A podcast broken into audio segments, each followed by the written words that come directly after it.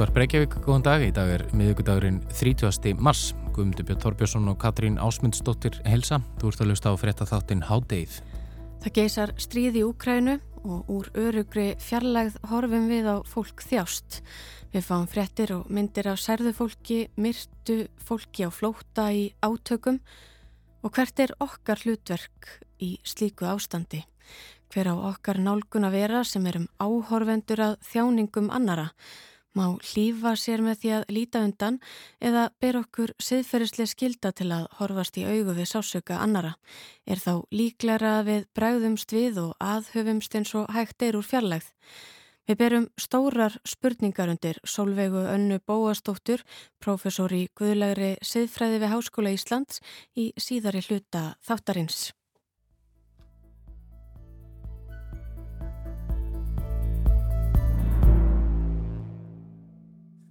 En við byrjum á því að fjalla um ákveðin tímamóti íslenski sögun. Í dag eru 73 ár frá því að Ísland gekk í Allandsafsbandalæðið NATO.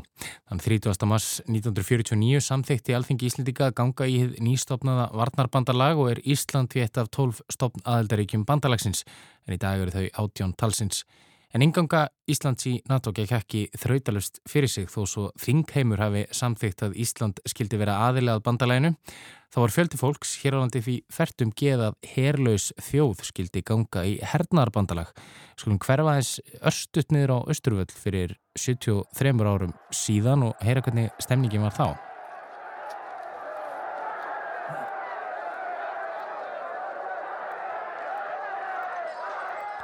Hér má heyra þegar átök brótast út melli mótmælenda og svo kallar kvítliða og lauruglu fyrir framann alþingishúsið en kvítliðar voru nokkus konar varalið lauruglunar. Hingað komin Stefán Pálsson, sakfræðingur og meðlumur í samtökum hernaranstæðinga. Velkomin Stefán. Takk. Eh, við ætlum ekki að ræða sérstaklega um það hvort að Íslandi er verið í NATO eða ekki. Við ætlum svona að skoða eins söguna hér og kannski byrjum fyrst á byrjuninni. Eh, hvers vegna var NATO stofnað? Já, uh, NATO er, er, er stopnað þarna á þessum fyrstu áru uh, kaldastriðsins sem, sem viðbrað uh, já, við, við því að það var farið að verða polarisering milli Sovjetríkjana og fylgiríkja þerra og síðan bandaríkjana og, og, og þerra fylgiríkja í Vestur-Európu Bandalagið er stopnað og það að eh, Íslendingar hafi svona, eh, Íslendingum hafi verið búið að vera með herrlausum eins og, eins, eins, og, eins og þú segir, eh, það ásir kannski aldrei þá skýringu að svona aðeldina bandalagin hún var umdelt viða meðlans í Noregi. Og það var talið að, að, að það að Ísland yrði með, Ísland og Danmörk yrði bæði með myndi svona auðvelda þeim yngönguna og kannski ástæðan fyrir að þetta verður svona umdelt hér á, á Íslandi það verður ekki átök við stopnum NATO í, í, í öðrum NATO-ríkjum hún er svo að mann tengja þetta frá upphæfi við herrmálið mm -hmm. uh, menn eru nálega sannfærður um það að uh, það að Ísland gangi inn í NATO sé upptaktur að því að herin komi aftur mm. og, það, og það sem var mjög pólitíst viðkvæmt því að það höfðu verið miklar heitstrengingar um það þegar að líðveldið stopnað og þingvöldum fáinum árum fyrr að nýfrjálsa land skildi verða hlutlaust, það skildi standa utan við hernaðar átök og hér skildi ekki vera herr og, og það má ég lega segja það að, að, að fólki sem að heimtaði þjóðaratkvæðagreisli um NATO-aðildina það var upp til hópa líta svo á að það væri að standa gegn endur komu hersins til Íslands. Emit, uh, Bjarni Benediktsson sem þá gengdi ennbætti yttergisrað þeirra, uh, hann uh, var á þessum fundi í, í, í Washington fymdugum síðar, þarna 4. april 1949 við skulum hlýða östuðt á hérna, stutt brot úr, úr ávarpi hans Foreign Minister of Iceland.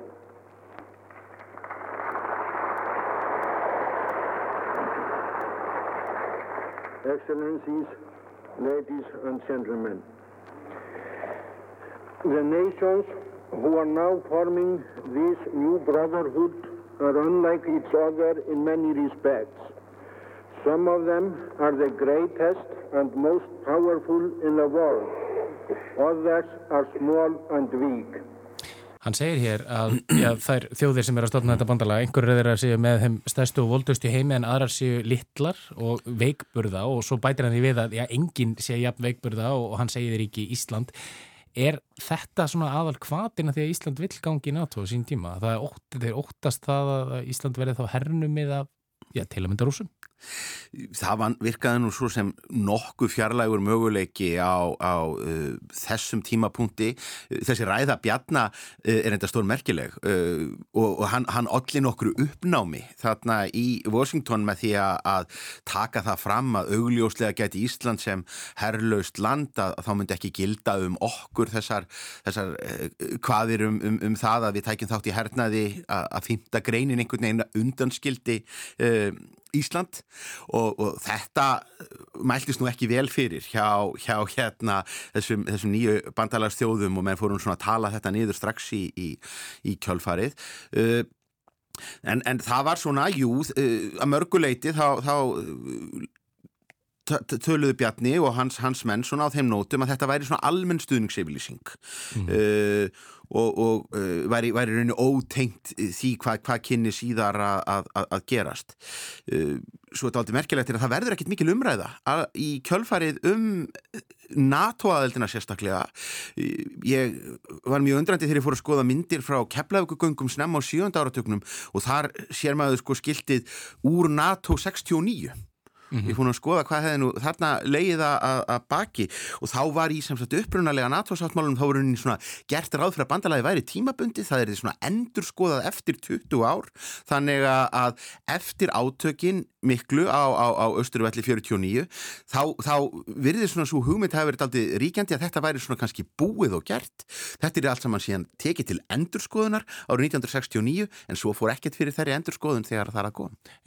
En hvernig, hvernig leið svo tímin tímin og, hvað segir sagan okkur því að það hefur nú einhver sagfrængar haldið fram að já, já, sósélistar hafi nú bara beinlýnis verið, verið að reyna að ná völdum þarna 1949 í þessum mótmælum, aðri sagfrængar hafa nú hafnað því en, en fer Ísland svolítið að skiptast í fylkingar svo árunum sem líða og kaldastýrisárunum? Myna, það er herrmáli sem að alveg bara rót klífur uh, þjóðina og, og hérna uh, hafi þetta nú átt að vera byltingatilraun á, á, á Östurvelli 30. mars 1949 þá var hún nú afskaplega ítla skipulöð en það sér maður, reyndar, reyndar er augljóst þegar maður sér fréttamindir að menn eiga von á hasar uh, e, eigendur Hotel Borgar dróðu fram hlera sem að voru til frá stríðsárunum sem voru settir fyrir glugga því að menn áttu nú alveg, alveg vona á að, að það er einhvað uh, eitthvað tekist á uh, en furðu lengi fram eftir. Þetta er, þetta er mjög kostur að skoða þessa fréttamindir þá gætir hópurinn þess að ganga ekki á grasinu á, á, á Östurvelli og allir halda sig á, á stjettunum það sem hleypir öllu í bál og brand er þegar að, að uh, svona varaliðsveitir uh, lögreglunar, hún kallaði, kallaði kvítliðar sem að voru ekki lögreglumenn heldur voru sjálfbóðaliðar uh, mikið til úr já, úr, úr, úr, úr unglegarhefingu sjálfstæðisflokksins þegar að þeir fara út opnaðir kilvum og, og, og hjálmum þá er fjandin laus og, og kannski svona skiljanlega augljós, augljós augrun þar á ferðinni. Emit, við komumst í miður ekki lengra með þetta en kæra þakki fyrir komin í hátegi Stefán Pálsson. Við eh, Í hátteginu snúum aftur strax að loknum háttegsrættum og þá ætlum við að ræða við Solveig og Önnu Bóastóttur, professor í Guðfræðilegri siðfræði við Háskóla Íslands og þá ætlum við að fjalla um að sásöka annara og hvernig stríði í Úkrænu blasir við þeim sem að, já, eru ekki þar.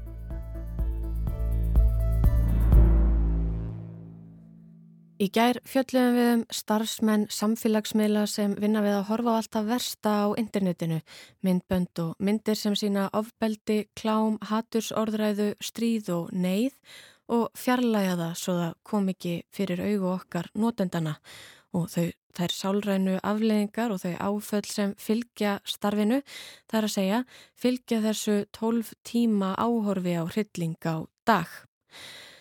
Fjöldluðum sérstaklega um það hvernig þar sem við sjáum og heyrum hefur áhrif á okkur, hvernig sásauki annara kemur við okkur, sásauki sem við erum sem betur fyrir ekki ónæm fyrir.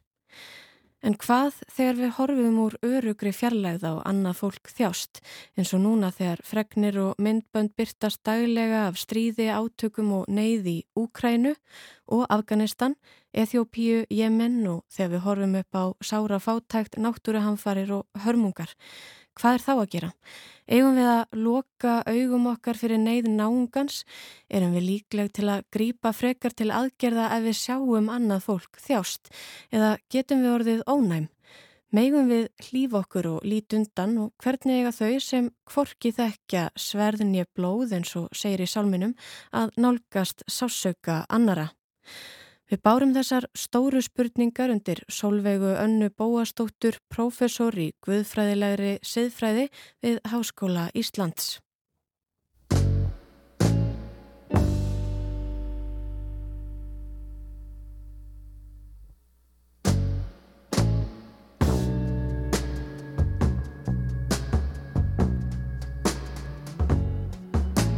Já, þetta er held ég að eiginlega flókið, flókið mál og trúlegast er, er ekki hægt að kveða upp úr með, með hvernig það er bara í eitt skipti fyrir öll og fyrir alla.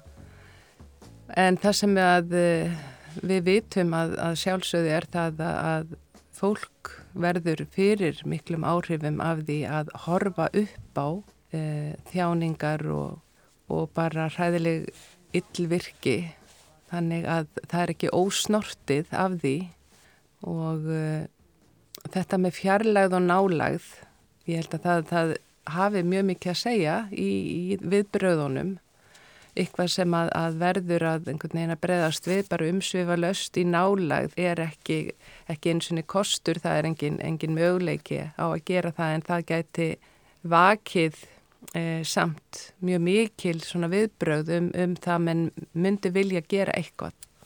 Og ég held að við sjáum það núna og höfum séð það áður að fólki er almennt mjög mikið mun einhvern veginn að fá að gera eitthvað þegar það horfir upp á, á ríkalega þjáningu og, og neyð. Og það held ég að sé náttúrulega bara ekkert, ekkert flókið. Ég held að við séum bara, mannveran sé bara þannig að við, við erum uh, miklar tilfinningaverur um leið og við erum skinni gætar og allt það þannig að, að þetta sé hreinlega inngróið í okkur og hafi verið það í gegnum um aldir og, og árþúsundir sko.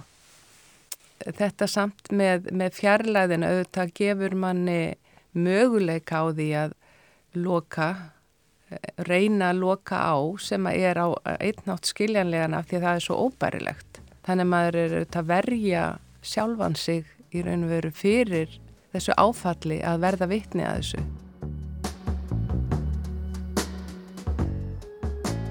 Sko það er náttúrulega oft verið hafið upp og svona upphafið og gert mikið úr þegar að fólk leggur virkilega sagt, mikið á sig og jafnvel hættir eigin lífi og velferð eins og, eins og á stríðstímu með því að hjálpa óvinninum.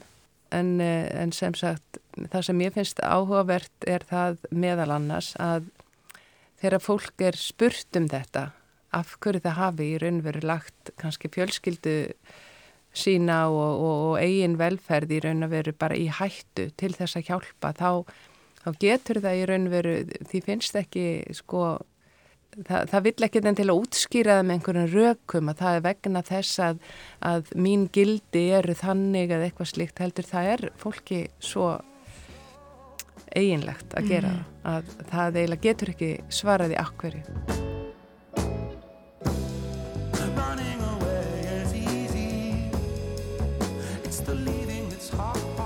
ef við með töksum um að það sé kannski okkur uh, eiginlegt að þegar við horfum upp að aðra þjást að, að vilja verða liði, að vilja koma til aðstóðar eða það er sterk tilfinning hjá okkur segir það okkur á okkur beri jafnvel einhvers konar þá seðferðslega skilda til þess að horfa, horfast í augu við sásökan og þjáningar annara og að það sé þá ekki rétt að uh, líta undan erum við þá líkleri til að einmitt bregðast við eða koma til hjálpar heldur en ef við eh, notum kannski einhvers konar sjálfsbjargar eh, viðleiknis viðbræðað horf undan? Já, ekki, ekki hérna verður þetta nú einfaldar að velta fyrir sér. Ég, ég held að það bara hljóti að fara svo mikið eftir því hvar einstaklingar og, og, og fólk er bara statt í sínu lífi af reynslu og, og þroska skul við vona sem sagt sumir eru hoknir af, af reynslu og hafa þolgæði og seglu til að bera á meðan að aðrir eru yngri og viðkvæmari og þóla þóla þetta, hreinlega ekki þannig að ég held að hljóta vera bara mjög mjög misjamt hvernig fólk er í stakk búið og hvað getur gert.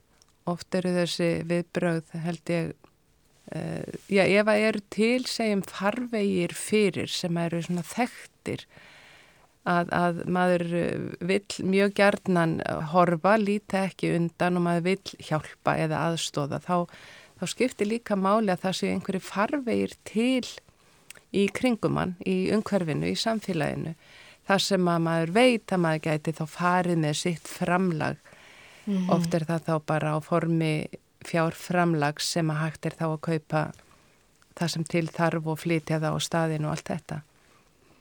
Þannig ég held að það sé farið svo mikið eftir sko umhverfinu.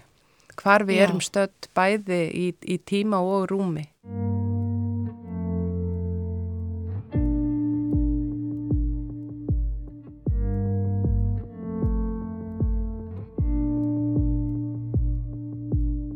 svo var ég að hugsa sko hvort það séu síðan til einhvers konar uh, fleiri möguleikar í þessari stöðu.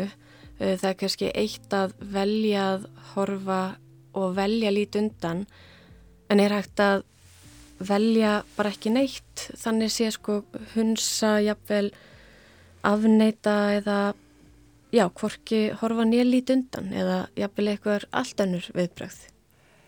Ég ímynda mér að það sé náttúrulega bara að manneskjan eigi svona í sínu, eh, hvað er það að segja, forðabúri eigi náttúrulega alls konar viðbröð til og oft séu þau bara alls ekki meðvituð eða að menn, séu, menn og konu séu ekki að staldra við til að reyna að velta fyrir sér hvað væri nú æskilegast best og réttast að gera heldur kannski frekar fylgi þeim farvegum sem að það þekkir og, og velji einhverja slíka leið.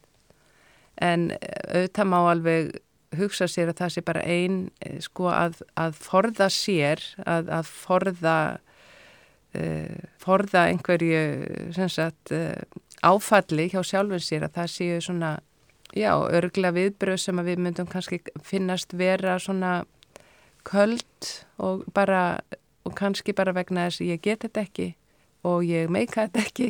Og, og þá, er það, þá er það í raun og veru er það ekki áfall sem að maður getur ekki einhvern veginn unnið, unnið úr? Mér hugsaður jafnvel sko að það geti þannig séð mögulega haft svona líka öfug áhrif að maður kannski er þá jafnvel líklur til að verða liði einhvern veginn til að kannski sko kaupa sér frá þessu hugsanlega samvinskubiti sem gæti falist í því að lít undan friða samvinskuna kannski með því að styrkja eins og með fjárhagslega og þá sé það meiri lægi að maður nýti sér þau forréttindi sem að fylgja því að geta verið í fjarlægð. Já, þarna, þarna held ég að þú sérst emitt komin inn á hérna mjög skemmtilega brautir um í raun og veru hvort að manneskem bara yfir höfuð geti sínt ekta kærleika eða ekta miskun hvort hún sé í raun og veru alltaf svona svolítið að, að vila og díla sko hérna, og með hag, eigin hag í huga. Þannig að það má öruglega hérna, koma inn á, inn á þá möguleika líka sko. Mér finnst það eftir því sem maður pælir meir og meira í þessu þá bætist alltaf við sko. Mér finnst einhvern veginn hægt að færa rauk fyrir öllum hliðum á marga, marga, marga vegu eins og kannski. Já, það held ég sjálfur rétt en það, það eru margir sko einhvern veginn mjög svona hrifnir að því að fara svo enda svo í raunveru þarna og svona setja fram spurninguna en getur manneskja nokkuð tíman hugsað um neitt annað en eigin hag þannig að allt sem hún gerir í annara þá að því er virðist er þá bara í hennar eigin þá. Þetta náttúrulega hefur verið svona vinsæl skoðun en ég, ég veit ekki hvað ætti svo sem að, að afsanna eða sanna sko hefur gagstæða hvort að, að það sé auðvelt að færa sönnur á að, að við séum í einhvers konar eðli okkar góð og kærleisrík og, og, og, ge, og gerum öðrum gott hreinlega af, af eigin sem sagt ramleik og löngun. En ég, mér finnst það nú svona jákvæðari og betri lífsafstafa og í raun og veru svona e, réttara að halla sér að henni heldur en að enda í þrættónum um hitt. Það svona finnst mér ekki skila eins miklu.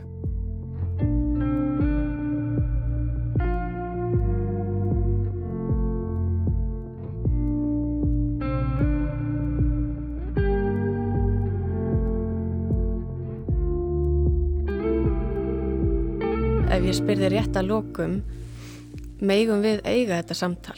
Nú er, um, það er, er stríð, það er neyð, það er rosalega alvarlegt ástand, uh, langt, kannski langt frá okkur en líka mjög stutt frá okkur. Um, megum við tala um hver okkar viðbröð eiga að vera, okkar sem erum hérna í örugri fjallegð. Gerir það á einhvern hátt minna úr þeirra sásauka eða meira úr okkar vanda? Já, það er alveg möguleiki að uh, fólk sem stendur þessu nær og, og uh, myndi hlýða á slíkt samtal eins og, eins og við erum að eiga hér sem er svona kannski svolítið svona heimspekilegt og, og almennt á einhver svona tilvistalegum nótum kannski að það er alveg mögulegt að, að, að fólk upplifi þetta sem sko reynd kæftæði og einmitt eitthvað svona forréttindarspjall af því að við erum í þessari örugu fjarlæð. Þannig að þarna skiptir einmitt nálað og fjarlæð alveg getur skipt gríðarlega miklu máli og, og alltaf sé mjög mikilvægt að, að vera næmur á þetta og, og svona já, vera viðbúin því og, og bara skilja það.